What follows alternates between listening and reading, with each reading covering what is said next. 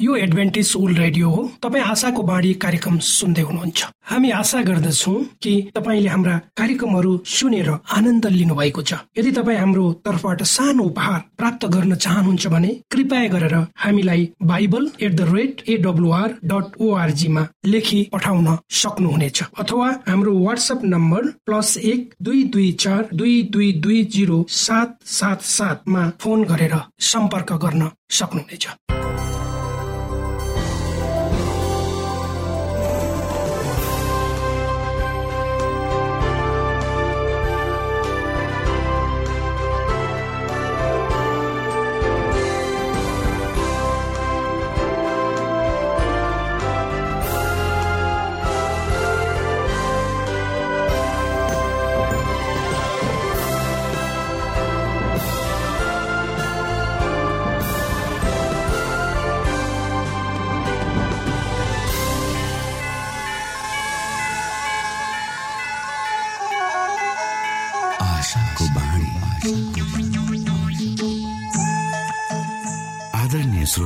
नमस्कार। यो समय तपाईँ एडभेन्टिस्ट ओल्ड रेडियोको प्रस्तुति भोइस अफ होप आशाको बाणी कार्यक्रम सुन्दै हुनुहुन्छ। कार्यक्रम प्रस्तुता म रवि यो समय तपाईँको साथमा छु। भनिएको छ पापको कारण मानिसका हृदय जन्मेदेखि दुष्टतातर्फ ढल्किएको हुन्छ। आफ्नै स्वरूपमा परमेश्वरले सृजना गर्नुभएको मानिसलाई आफ्नै उद्देश्यमा रूपान्तरण गर्ने र ख्रिस्टको चरित्रमा प्रतिस्थापन गर्ने परमेश्वरको चाहना छ। यो सब हाम्रो भलाइको लागि गरिएका योजनाहरू हुन्। श्रोता के तपाईँ यो भलाइको कार्यक्रममा परमेश्वरलाई सघाउन चाहनुहुन्छ? प्रभु यशु क्रिस्ट हृदयको ढोकामा उभिएर ढकढक्याउँदै हुनुहुन्छ। उहाँ तपाईँमा भएर तपाईँको जीवनलाई राम्रोतिर असलतिर ढल्काउन चाहनुहुन्छ बदल्न चाहनुहुन्छ। आशाको बाणी कार्यक्रमलाई नियमित सुनेर परमेश्वरको चाहनाको महत्वलाई बुझेर बाँच्नुको महत्वलाई यहाँले बुझ्नु सक्नुहुनेछ भनेर हामी विश्वस्त छौ। आउनुहोस् फेरि तपाईँले न्यानो स्वागत गर्दै हाम्रो कार्यक्रमलाई सुनिदिनु हुन अनुरोध गर्दै यो मिठो भजन यहाँ सामु राख्दैछु।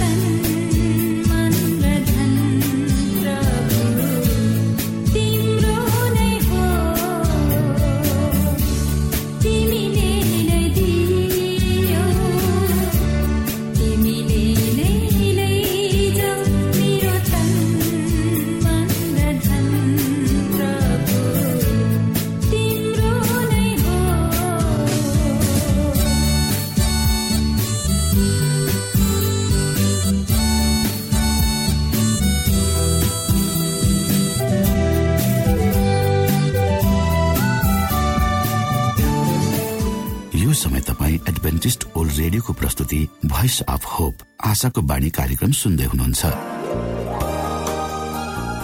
तपाईँ आशाको बाणी कार्यक्रम सुन्दै हुनुहुन्छ। हामी आशा गर्दछौ कि तपाईँले हाम्रा कार्यक्रमहरू सुनेर आनन्द लिनुभएको छ। यदि तपाईँ हाम्रो तर्फबाट सानो उपहार प्राप्त गर्न चाहनुहुन्छ भने कृपया गरेर हामीलाई Bible at the rate AWR dot ओआरजीमा लेखी पठाउन सक्नुहुनेछ। अथवा हाम्रो वाट्सएप नम्बर प्लस एक दुई दुई चार दुई दुई दुई जिरो सात सात सातमा फोन गरेर सम्पर्क गर्न सक्नुहुनेछ। श्रोता मित्र यो समय हामी पास्टर उमेश पोखरेलबाट आजको बाइबल सन्देश सुन्नेछौ। श्रोत साथी न्यानो अभिवादन साथ म तपाईँको आफ्नै आफन्त अर्थात् पास्टर उमेश पोखरेल परमेश्वरको वचन लिएर यो रेडियो कार्यक्रम मार्फत पुनः तपाईँहरूको बिचमा उपस्थित भएको छु। मलाई आशा छ तपाईँले हाम्रा कार्यक्रमहरूलाई नियमित रूपमा सुन्दै हुनुहुन्छ र परमेश्वरका प्रशस्त आशिषहरू प्राप्त गर्दै श्रोता आउनुहोस् तपाईँ हामी केही समय परमेश्वर सँगसँगै आज बिताउनेछौँ। आजको प्रस्तुतिलाई पस्कनुभन्दा पहिले आउनुहोस् म परमेश्वरमा अगुवाईको लागि बिन्ती राख्नेछु। जीवी जिउँदो महान दयाल परमेश्वर प्रभु हामी धन्यवादी छौँ यो जीवन र जीवनमा दिनुभएका प्रशस्त आशिषहरू। प्रभु यो रेडियो कार्यक्रमलाई म तपाईँको हातमा राख्दछु। यसलाई तपाईँको राज्य र महिमाको प्रचारको खातिर यो देश र सारा संसारमा तपाईँले पुर्याउनुहोस्। ताकि धेरै मानिसहरू जो अन्धकारमा हुनुहुन्छ उहाँहरूलाई तपाईँको ज्योतिमा ल्याउनु। सबै बिन्ती प्रभु यीशुको नाम।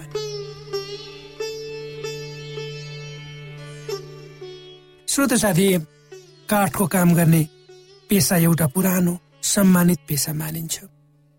नेपालमा पनि यो पेसा धेरै पहिलेदेखि स्थापित भएको देखिन्छ। किनकि धेरै पहिले काठका सामानहरू झ्याल ढोका र त्यसमा कुदिएका बुट्टाहरूलाई हेर्दा सयौं वर्षहरू अगाडिदेखि नै काठको काम गर्ने काम हाम्रो देशमा राम्ररी फस्टाएको पाइन्छ। काठको काम गर्ने कलाले आजको विज्ञान र इन्जिनियरिङ बनावटहरूमा ठुलो प्रभाव पारेको पाइन्छ। त्यसकारण काठको काममा रचनात्मक भूमिका देखिन्छ। अर्थात् यसमा निश्चय नै एउटा कला देखिन्छ। आज काठका कलात्मक बुट्टाहरूको कारणले नेपालको पर्यटक उद्योग फस्टाएको छ। र धेरै मानिसहरू सोह्रौं सत्रौं शताब्दीतिर काठमा कोरिएका बुट्टा र कलाहरूलाई हेर्न टाढाबाट आउँछन् रमाउँछन् र त्यसका सुन्दरतालाई आफ्नो क्यामेरामा कैद गर्छन्। पवित्र बाइबल धर्मशास्त्रमा हेर्दा प्रभु येसुलाई पनि सिकर्मीको रूपमा देखिन्छ। उहाँका पिता युसुफ पनि सिकर्मी हुनुहुन्थ्यो। र प्रभु येसुले आफूलाई एक असल वा सिपले भरिएको सिकर्मीको रूपमा प्रस्तुत गर्नुभयो गर्नुभयो र प्रमाणित गर्नुभएको कुरो पवित्र धर्मशास्त्र बाइबलले हामीलाई बताउँछ।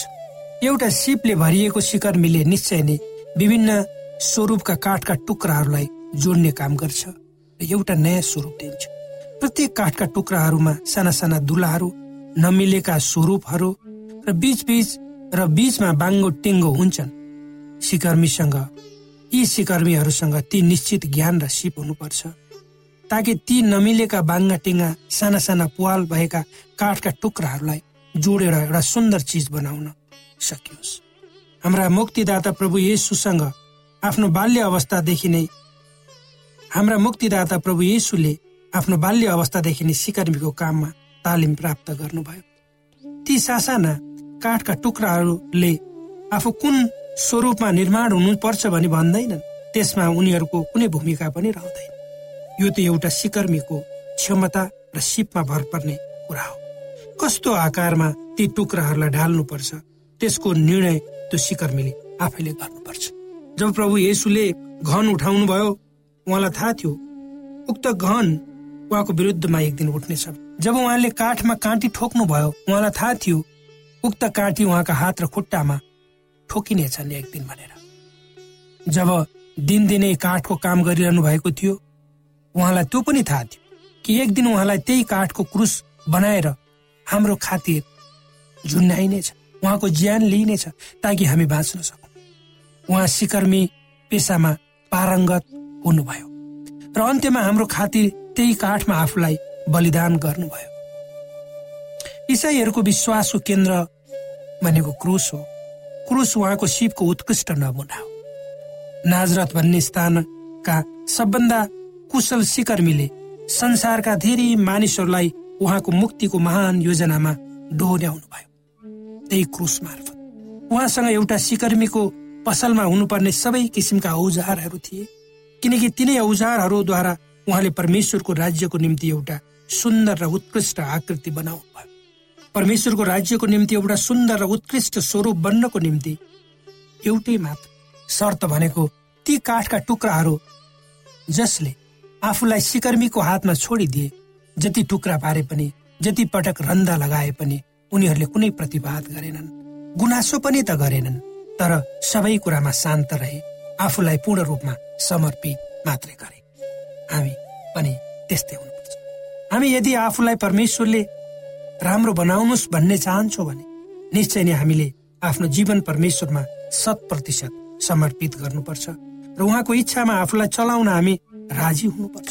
अनि त परमेश्वरले तपाईँ हामीलाई एउटा उत्कृष्ट नमुनाको रूपमा आफ्नै हातले सिँगार्नुहुन्छ र हाम्रा जीवनका सम्पूर्ण पक्षहरूमा उहाँले उज्यालो भरिदिनुहुन्छ हामीलाई निरन्तर रूपमा उहाँले अगुवाई गर्नुहुन्छ।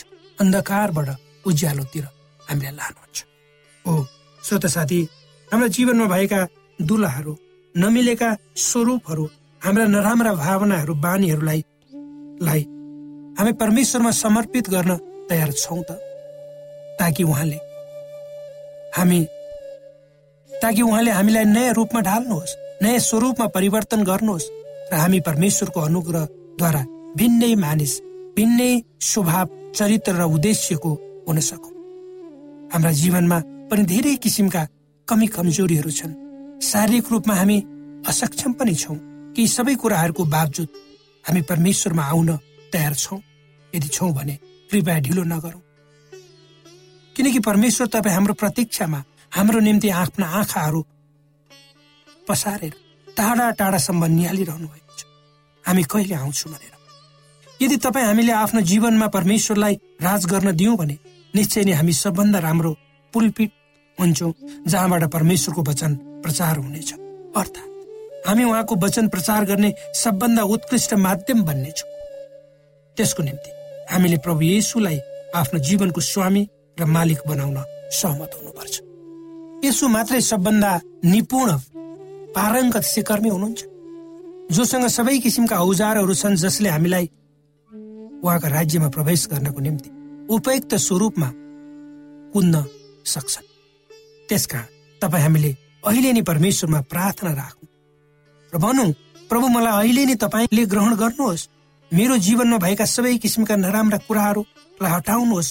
मेरा जीवनमा भएका सबै किसिमका दुलाहरूलाई पनि पुर्याइदिनुहोस् र एक नयाँ आकृतिमा मलाई ढाल्नुहोस्। एक नयाँ स्वरूपमा मलाई निर्माण गर्नुहोस्। तपाईँको सुन्दरता तपाईँको विशिष्टतामा मलाई उभ्याउनुहोस्। हो श्रोत साथी हामी यो संसारमा छौँ। कुनै न कुनै रूपमा हामी कमजोर छौँ। हाम्रा जीवनका धेरै क्षेत्रहरूमा हामी अशक्त छौँ। चाहे त्यो शारीरिक मानसिक आत्मिक वा अन्य कुनै पक्ष किन नहोस् यी सबै कमजोरीहरू अशक्तताहरूको बावजुद पनि परमेश्वरलाई हामी परमेश्वर हामीलाई नयाँ आकृतिमा सिद्ध बनाउन उत्सुक हुनुहुन्छ। के तपाईँ त्यस्तो परमेश्वरमा आफ्नो जीवन समर्पित गर्न चाहनुहुन्न र मलाई आशा छ अवश्य परमेश्वरले यी वचनहरूद्वारा तपाईँलाई आफ्नो जीवनमा कसरी अगाडि बढ्नुपर्छ ती ज्ञान दिनुहोस्।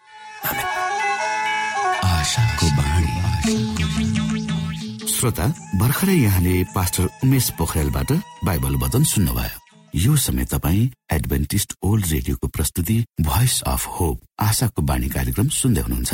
कार्यक्रम सुनेर बस्नुहुने सबै श्रोतालाई हामी हाम्रो कार्यक्रममा स्वागत गर्न चाहन्छौ।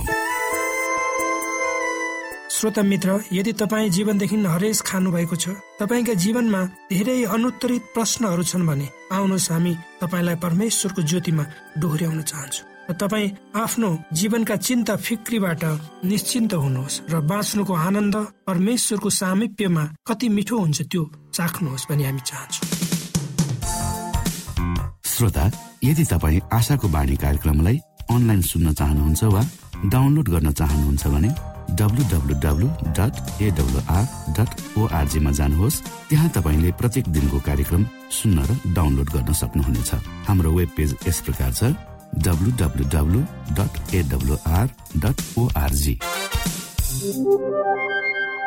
श्रोता यदि तपाईँ हामीसित सिधै फोनमा सम्पर्क गर्न चाहनुहुन्छ भने हाम्रा नम्बरहरू यस प्रकार छन्। अन्ठानब्बे एकसाठी पचपन्न शून्य एक सय बिस। अन्ठानब्बे एकसाठी पचपन्न शून्य एक सय बिस र अर्को अन्ठानब्बे अठार त्रिपन्न पन्चानब्बे पचपन्न। अन्ठानब्बे अठार त्रिपन्न पन्चानब्बे पचपन्न।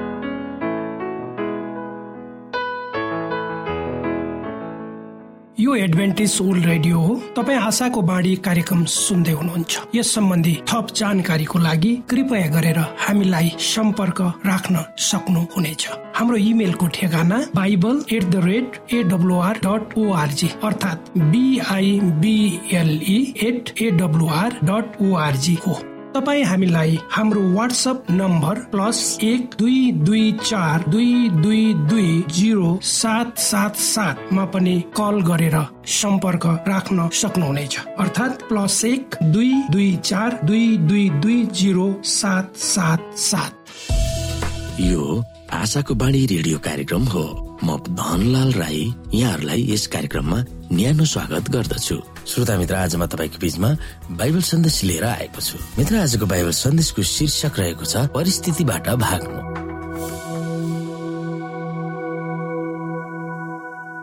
श्रोता साथी विश्व स्वास्थ्य संगठनले संसारमा प्रत्येक वर्ष तीस करोड भन्दा बढी मानिसहरूलाई नदेखिने तर प्राय जसो सबैलाई लाग्ने रोगको बारेमा जानकारी दिएको छ।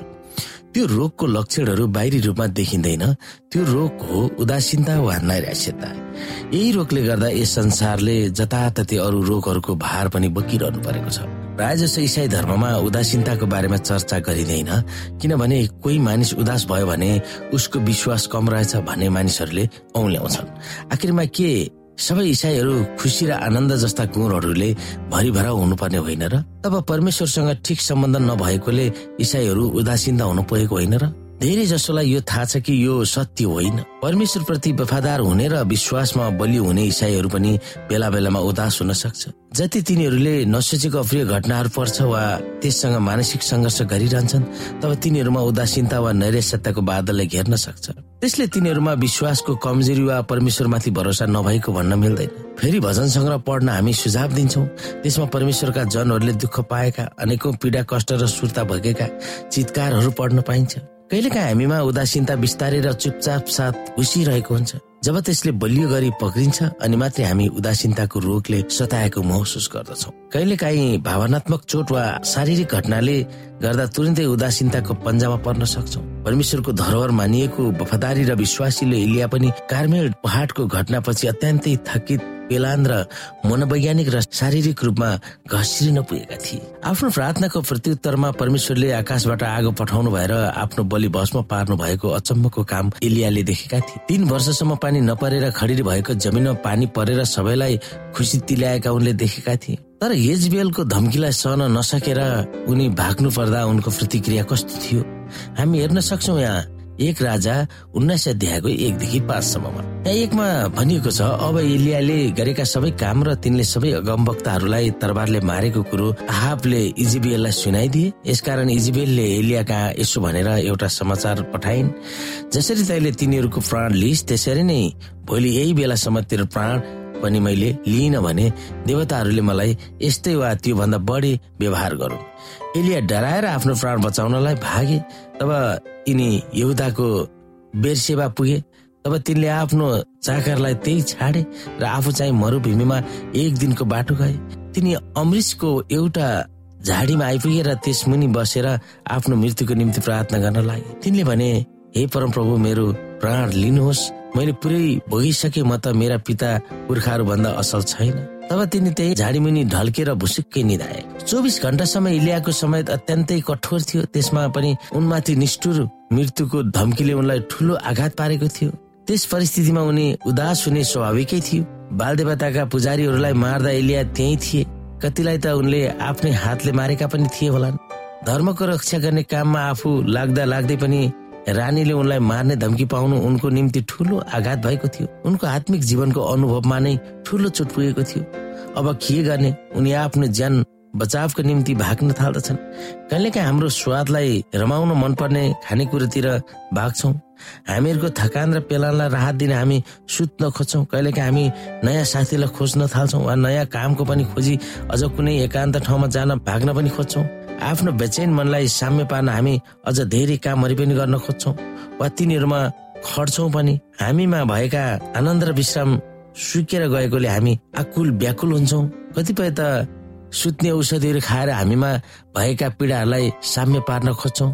तर ती सबै केवल लक्षणहरूलाई मुखुन्डो मात्र लगाइदिन्छ। बाहिरी रूपमा ठिक भएको देखाउँछन् तर भित्री मानसिकतामा धमिराले खाइसकेको हुन्छ। विभिन्न तत्त्वहरूतिर भाग्ने प्रक्रियाले हाम्रो समस्या समाधान हुँदैन। बरु झन झन जटिल पार्दछ।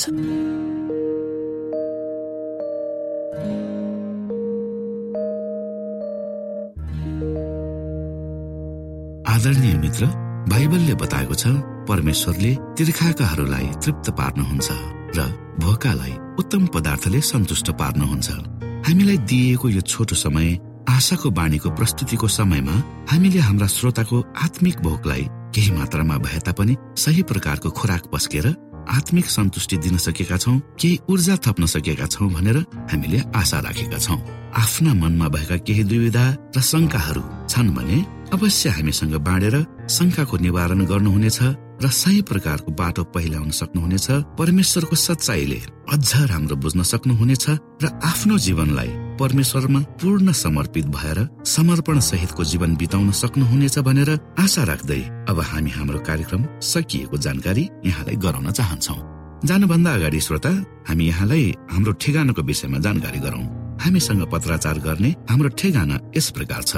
आशाको बाणी पोस्ट बक्स नम्बर दुई शून्य शून्य शून्य दुई काठमाडौँ नेपाल। आशाको बाणी पोस्ट बक्स नम्बर दुई शून्य शून्य शून्य दुई काठमाडौँ नेपाल।